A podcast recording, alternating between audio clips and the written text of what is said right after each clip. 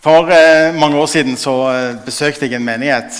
og eh, En menighet som har et, eh, et samtalesenter eller sjelesorgsenter. Og Jeg var spesielt interessert i å besøke dette senteret. og Det var ikke sånn at jeg var på omvisning, men jeg booka rett og slett en time. Og hadde da en flott samtale med Daryl White. Han var 80 år, og håret hans sto i stil med etternavnet. Det var White. Hyggelig fyr på alle vis. Dess lenger denne samtalen varte, dess mer personlig ble det. Og Så lener han seg fram på stolen og så sier han, om du har ei greie med frykt i livet ditt Jeg måtte tilstå at det har jeg. Vil du at vi skal be om at du blir kvitt den frykten? Vil du at vi skal be om at Gud tar vekk den frykten? Fordelen med å ha noe frykt det er at av og til så trenger du den. Står du på eh, kanten av et stup, så er det greit at du blir så redd at du faktisk tar et grep, sånn at du ikke detter utfor. Hvis du er på sjøen eh, og det blir tykk tåke, så er det greit at du blir så redd at du blir helt klar på at nå må vi handle. Og Den kan du miste sa han, hvis, du, hvis du, Gud tar vekk all frykten din. Du kan bli helt fryktløs. Det hørtes litt rart ut, men jeg var med på det. Og det å få noen til å be for det som er en issue, det som er en greie i livet, det er viktig. Det har alltid vært viktig for meg. Hvert år den 1. januar så eh, har jeg en eh, litt sånn stille stund for meg sjøl. Det betyr ikke nødvendigvis at jeg leser mer i Bibelen den dagen enn andre dager. Men hva er ordet mitt, Gud, for dette året? Det er ikke et nyttårsforsett. Det er ikke sånn nå skal jeg eh, lære spansk eller ta av 30 kilo eller begynne å trene. eller sånn. Men det er et ord som jeg tror at Gud vil skal bety noe spesielt for meg i det året som ligger foran. Og i fjor, 2020, 1. januar, hva er ordet mitt for dette året, Gud? Og ordet, det er mot. Og Det var et ord som fulgte meg gjennom hele året. Der jeg tror at Gud på en spesiell måte ønska å tale til meg om det og gjøre noe med det inn i mitt liv. Vi skal lese eh, prekenteksten for denne søndagen, som står i Matteusevangeliet i det femte kapittelet. Salige er de som blir forfulgt for rettferdighets skyld. For himmelriket er deres. Ja, salige er dere når de for min skyld håner og forfølger dere, lyver og snakker ondt om dere på alle vis. Gled og fry dere, for stor er lønnen dere har i himmelen. Slik forfulgte de også profetene før dere. Dette er en del av bergprekenen, og rammen for denne undervisningen av Jesus det er at han snakker til sine disipler. Han snakker til sine disipler, og de prises salige fordi de er disipler. Salig er vil noen si, et gammeldags ord. Hva betyr det? Hva er det å være salig? Jeg har prøvd å se litt i ulike kommentarer til denne teksten. Og så får jeg mange forslag opp. Velsigna, lykkelig, overveldende stor glede og fred. Privilegert misunnelsesverdig lykkelig. Og en skrev 'lykke som kommer av at de har opplevd Guds velbehag' og åpenbaringen av Hans umåtelige nåde. Salig. Forfølgelse. Det kan jo bli forfulgt pga. Eh, forbrytelser. Være ettersøkt, altså søkt etter. En klappjakt fra by til by for å ta de skyldige. Men dette er noe annet. Dette er forfølgelse for rettferdighets skyld. Ja, hva er rettferdighet? I denne sammenhengen så handler det faktisk i mindre grad om rett fordeling. Alle får like mye eller får etter behov. Det handler faktisk ikke om etikk og moral. Men rettferdigheten, det er hele summen av det å leve med Jesus. Det å ha en gudsfrykt i liv og bekjennelse. Guds frykt er ikke å være redd, det er ikke frykt i menneskelig forstand, men det er en, en hellig anerkjennelse, en hellig respekt. Rettferdig. Rettferdighet er et rett forhold til Gud og mennesker, sånn som Jesus gir det. I Norge så tror jeg ikke mange får drapstrusler fordi de er kristne. Men mange kan oppleve seg forfulgt. Kan oppleve seg hånt, overøst med fornærmelser. At noen tilsynelatende jobber for å finne feil på den mest nedverdigende måte. Løgnaktig, får skylda for all slags ondt. Ødelegger navn og rykte. Og så sier Jesus i sin undervisning salige er dere når de snakker stygt om dere. Det er enkelte ting som eh, vi skal luke vekk fra begrepet om forfølgelse. Jeg har en venn på Facebook som også er pastor, og han skrev i går dette har Jesus ikke sagt. Salige er de som blir fratatt privilegier i samfunnet. Salige de som er redde for å si hva de mener når de har upopulære standpunkt. Salige de som får motstand når de ikke klarer å oppføre seg i kommentarfeltet. Salige de som er redde for at naboen eller kollegaen skal synes de er teite. Salige de som ikke har politisk flertall eller kommer inn på Stortinget. Dette har Jesus ikke sagt. Det er altså ikke forfølgelse å havne under sperregrensen.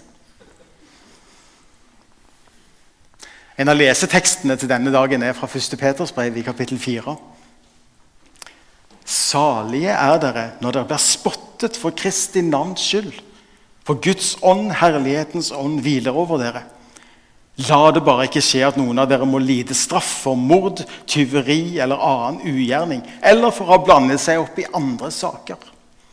Men lider noen fordi han er en kristen, skal han ikke skamme seg, men prise Gud for dette navnet. Altså, Hvis dere lider fordi dere er kristne, så er det én ting. Men hvis det er fordi dere oppfører dere dårlig, så kan jeg ikke hjelpe dere, sier Peter. Rettferdighets skyld. Et annet sted så sier Jesus 'for min skyld'. Den som lider for min skyld, som blir forfulgt for min skyld. To sider av samme sak. Og så gir han et løfte. Det er stor lønn i himmelen. Nicky Gumbel, som er Alfa sin far eller pioner, om du vil, han sier at Jesus sa aldri at vi skal oppsøke forfølgelse, men når han kommer Når han kommer, så kan vi se på han som en velsignelse. Kanskje du tenker Må det stå 'når'? Kan det ikke stå 'hvis'? For kan vi ikke unngå dette? Kan vi ikke gjøre livet behagelig? Kan vi ikke passe på at vi er i komfortsonen? Kan vi ikke anstrenge oss for å få det greit? Det er en som har sagt at vi strever etter et liv uten lidelse. Etter en glede uten smerte og etter fellesskap uten konflikt. Og det kaller vi lykke. For mange år siden, sikkert 40 år siden så leste jeg en bok, og der kom jeg over et dikt av Gjertrud Gåsvatn Ry, som er en lyriker fra Trøndelag. Tak ikke gleda fra meg. Jeg ringte henne faktisk og spurte om det var greit jeg lagde en melodi til det diktet. Det femte og det siste verset i det diktet det er sånn For gleda vert ikke heil og skjær før sorga har trødd på min sti. Først da vert ensemda god og nær, og kjærleiken vennlig å hvile i. Hvis du er som meg, så tenker du av og til det er ting i livet som skulle vært annerledes. Og jeg skulle bare ønske at Og tenk om jeg hadde valgt noe annet akkurat der. Tenk om. Men livet Hør. Livet, det er akkurat nå. Livet, det er ikke om ett år. Det er ikke når du blir ferdig med noe, det er ikke når neste ferie kommer. Det er ikke når du blir klar for å gjøre et nytt steg i ditt møte med Jesus. Livet er akkurat nå. Vi kan ha smertefulle erfaringer. Men med Guds hjelp og i, i møte med mennesker, så kan det føre til at vi, vi blir mer modne. Vi blir mer takknemlige. Og så frekt det ennå kan høres ut, vi får kanskje enda mer motstandskraft. Så når bakken er bratt, så kan jeg faktisk takke for enkelte av de tingene som jeg der og da opplevde som negativt, men som har gjort at jeg nå står oppreist på vei opp bakken. Mot er det når jeg er bråkjekk, eplekjekk, når jeg syns jeg har det under kontroll. Det er ikke nødvendigvis fravær av fortvilelse, men evnen til å gå videre på tross av fortvilelsen. Det er vondt å kjenne på skam. Kjenne seg så liten at en har lyst til å gjemme seg. Vår tekst er på slutten av saligprisningene. Det er åtte-ni saligprisninger. Og En av de det er salige de som sørger, for de skal trøstes. Og Noen har en sorg. Noen har en sorg som er varer hele livet, en livssorg. Hva tenker Jesus om det? Tenker han at uh, du må fikse opp i enkelte ting i livet ditt, så livet går videre? Så kan vi se. Nei, han gjør ikke det.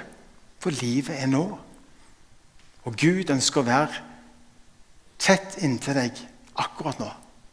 Han ønsker å leve i deg, og du skal få være i Han. Det er hans identitet. Det er faktisk din òg. I mange land i verden så blir kristne forfulgt for sin tro. Blir jagt ut av landsbyen, plaga, kanskje drept. Familier splittes, og folk mister av syne både arbeid og venner og hjemland.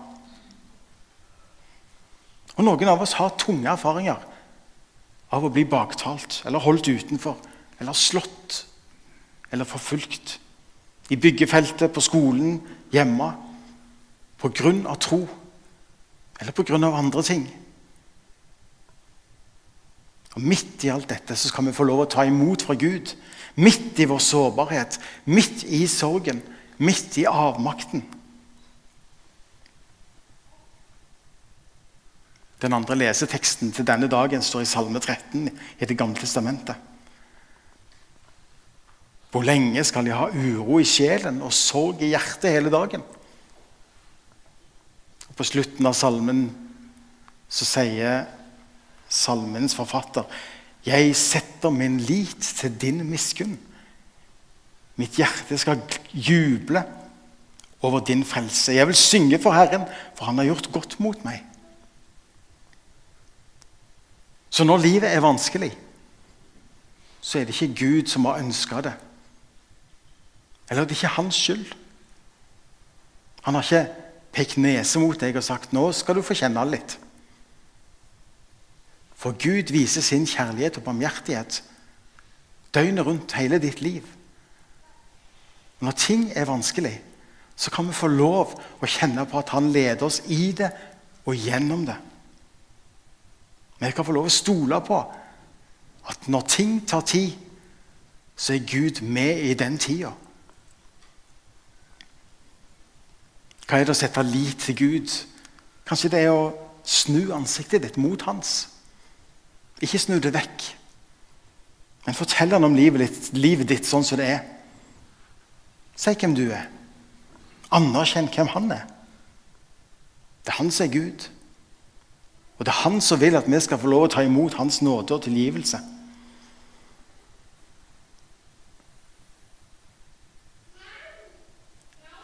Jeg noterte meg et ord i uh, den boka jeg noterer ting i når jeg er på møter eller et eller annet. Venteposisjon. Er det sånn at du er i en venteposisjon? Du venter på at ting skal bli annerledes? Eller du venter på at du skal kjenne deg sterkere? Eller du venter på at noen andre skal ta initiativ overfor deg? Sånn at du kan bli kvitt din fortvilelse eller lidelse eller konflikt. Jeg er blant de som liker veldig godt denne ettminuttsandakten som Egil Svartdal har på plussord, som jeg får inn på Facebook hver dag. Og Nylig så sa han la oss se oss selv med hans øyne, så vi kan leve et oppreist liv. For når vi ser oss sjøl med Guds øyne, så er det all grunn til å ha et oppreist liv.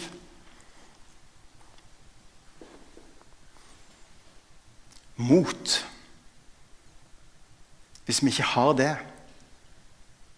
eller vi syns vi ikke har nok av det, så tror vi kanskje at vi er kalt til å sitte helt stille. Gjemme oss i ei kristen boble. I familien eller gjøre sånn som den boka som kom ut for 60 år siden, som heter 'Vi gjemmer oss på bedehuset'. Det er lenge siden den kom. Vi gjemmer oss på bedehuset. Jeg har jo sans for at kristne tar ansvar og ønsker å stå fram og være en del av samfunnslivet. Men kanskje er vi preget av frykt for framtida. Kanskje vi skulle ønske det sto salige de som lever i komfortsonen og sitter helt stille det sto ikke det heller. Vi skal få lov å flytte stolen vår nærmere Jesus. Så kan Den hellige ånd få hvile på oss. Så kan vi se inn i far sitt ansikt og høre hans stemme. Akkurat her og nå så er invitasjonen til deg å snu ansiktet ditt mot hans. Han møter deg ikke med pekefinger. Han møter deg med nåde og forståelse. Noen ganger så trenger vi et mirakel. Vi trenger en helbredelse. Vi trenger at noe snur omtrent på femøringen. Og vi undrer oss over at vi ikke kan forstå Gud, for det er ikke alltid han gjør det. Og Jeg kan ikke forklare det for deg, for jeg vet heller ikke hvorfor. Men jeg anerkjenner at han er Gud, Det er ikke jeg. Han er den som gir nåde og barmhjertighet. Hadde det stått på meg, så hadde jeg ikke hatt halvparten så mye nåde og barmhjertighet. Men han, han er full av det.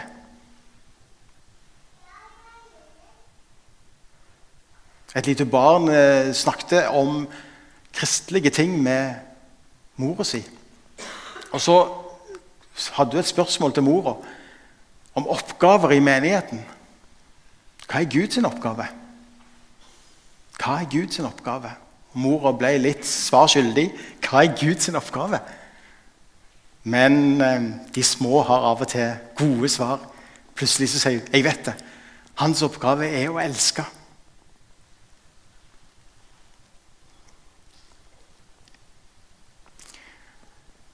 Når Paulus skriver til korinteren i andre korinterbrev, så sier han Jesus døde for alle.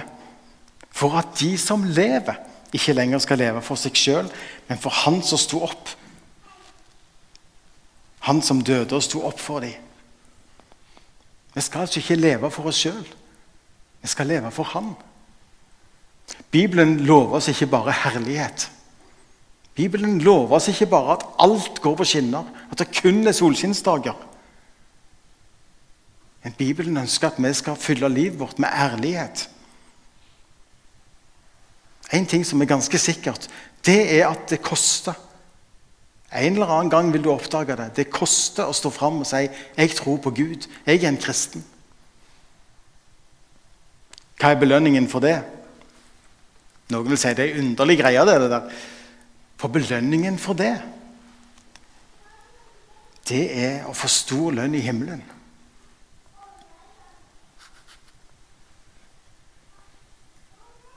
Helt til slutt. Kanskje kommer du i en situasjon i uka som kommer, som skaper frykt i livet ditt. Hva skal du gjøre med det? Skal du nok en gang skru av telefonen, passe på at du blir uoppnåelig, gjemme deg? Eller skal du ta et steg i tro? Skal du ta et steg der du fylles av mot? Bekjenne at du tror.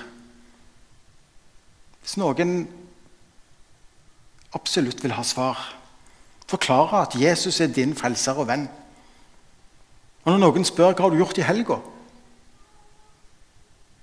så kan det godt hende at de vil vite hvor du har vært. Jeg har vært på gudstjeneste. Hva gjør dere der? Og Det kan selvfølgelig være at noen sier 'herlighet'. Er det noe? Da må du kalle motet fram og si 'ja, det er det'. Det er et fellesskap. Det hører jeg til i. Hva skal få prege livet ditt? Er det frykt? Eller er det mot? Kanskje er du typisk nordmann. Jeg tror jeg er sånn typisk nordmann. Spontan, bare jeg får tenkt meg om litt. Og Kanskje du trenger å tenke deg om litt. Trenger å få litt tid og litt hjelp til å få dette på plass. Nå hørte jeg det ble sagt her i begynnelsen av gudstjenesten at i dag skal det være forbønn. Det er en fantastisk mulighet. Det er en mulighet jeg benytter meg av stadig. Det å bli bedt for. Enten jeg trenger å si litt om det som fyller hjertet mitt, eller de erfaringene jeg nylig har, og som jeg opplever gjør noe med meg. Eller den usikkerheten jeg har i møte med noen mennesker eller situasjoner. Men jeg trenger ikke å brette ut livet mitt. Av og til så trenger jeg ikke si noe i det hele tatt. Jeg kan få et ord fra Gud, fra den som ber for meg. Jeg kan få med en velsignelse fra Gud. Snu ansiktet mot Gud og få en velsignelse fra Gud et liv i salighet. Salige er de ydmyke, de som hungrer, de barmhjertige, de rene av hjerte, de som skaper fred, de som blir forfulgt. Salige er dere når de for min skyld håner og forfølger dere. Gled og fryd dere, for stor er lønnen dere har i himmelen. Hva er en menighet for noe? Nå skal jeg ikke holde et profilforedrag om visjonen. Men det er fellesskap. Det er familie. Det er å høre til sammen. Og når du blir invitert at 'Jeg kan be for deg etter gudstjenesten' Jeg hadde ikke vært i tvil. Ta imot den invitasjonen. Du risikerer ikke å fortelle noe om livet ditt som du ikke vil. Da kontrollerer du helt sjøl. Men du kan få lov å få med noe godt, ekstra godt, med når du skal hjem. La oss be sammen. Takk, far. Takk, far, for at du er tydelig på hvem du er. Du er Gud. Du er den som har som oppgave å elske. Du er den som er barmhjertig. Og Vi ønsker å komme fram for deg. Vi ønsker å snu ansiktet mot deg. Vi ønsker å ta imot ditt milde blikk. Og Når livet er vanskelig, enten det er nå eller det har vært, eller vi aner at det kommer, så er du der midt i smerten og leder oss gjennom det, Herre. Takk for at vi skal få stole på det. Det er ikke bare et munnhell når du sier at du liker oss. Men hele ditt liv og din død og din oppstandelse, Jesus, har bevist det.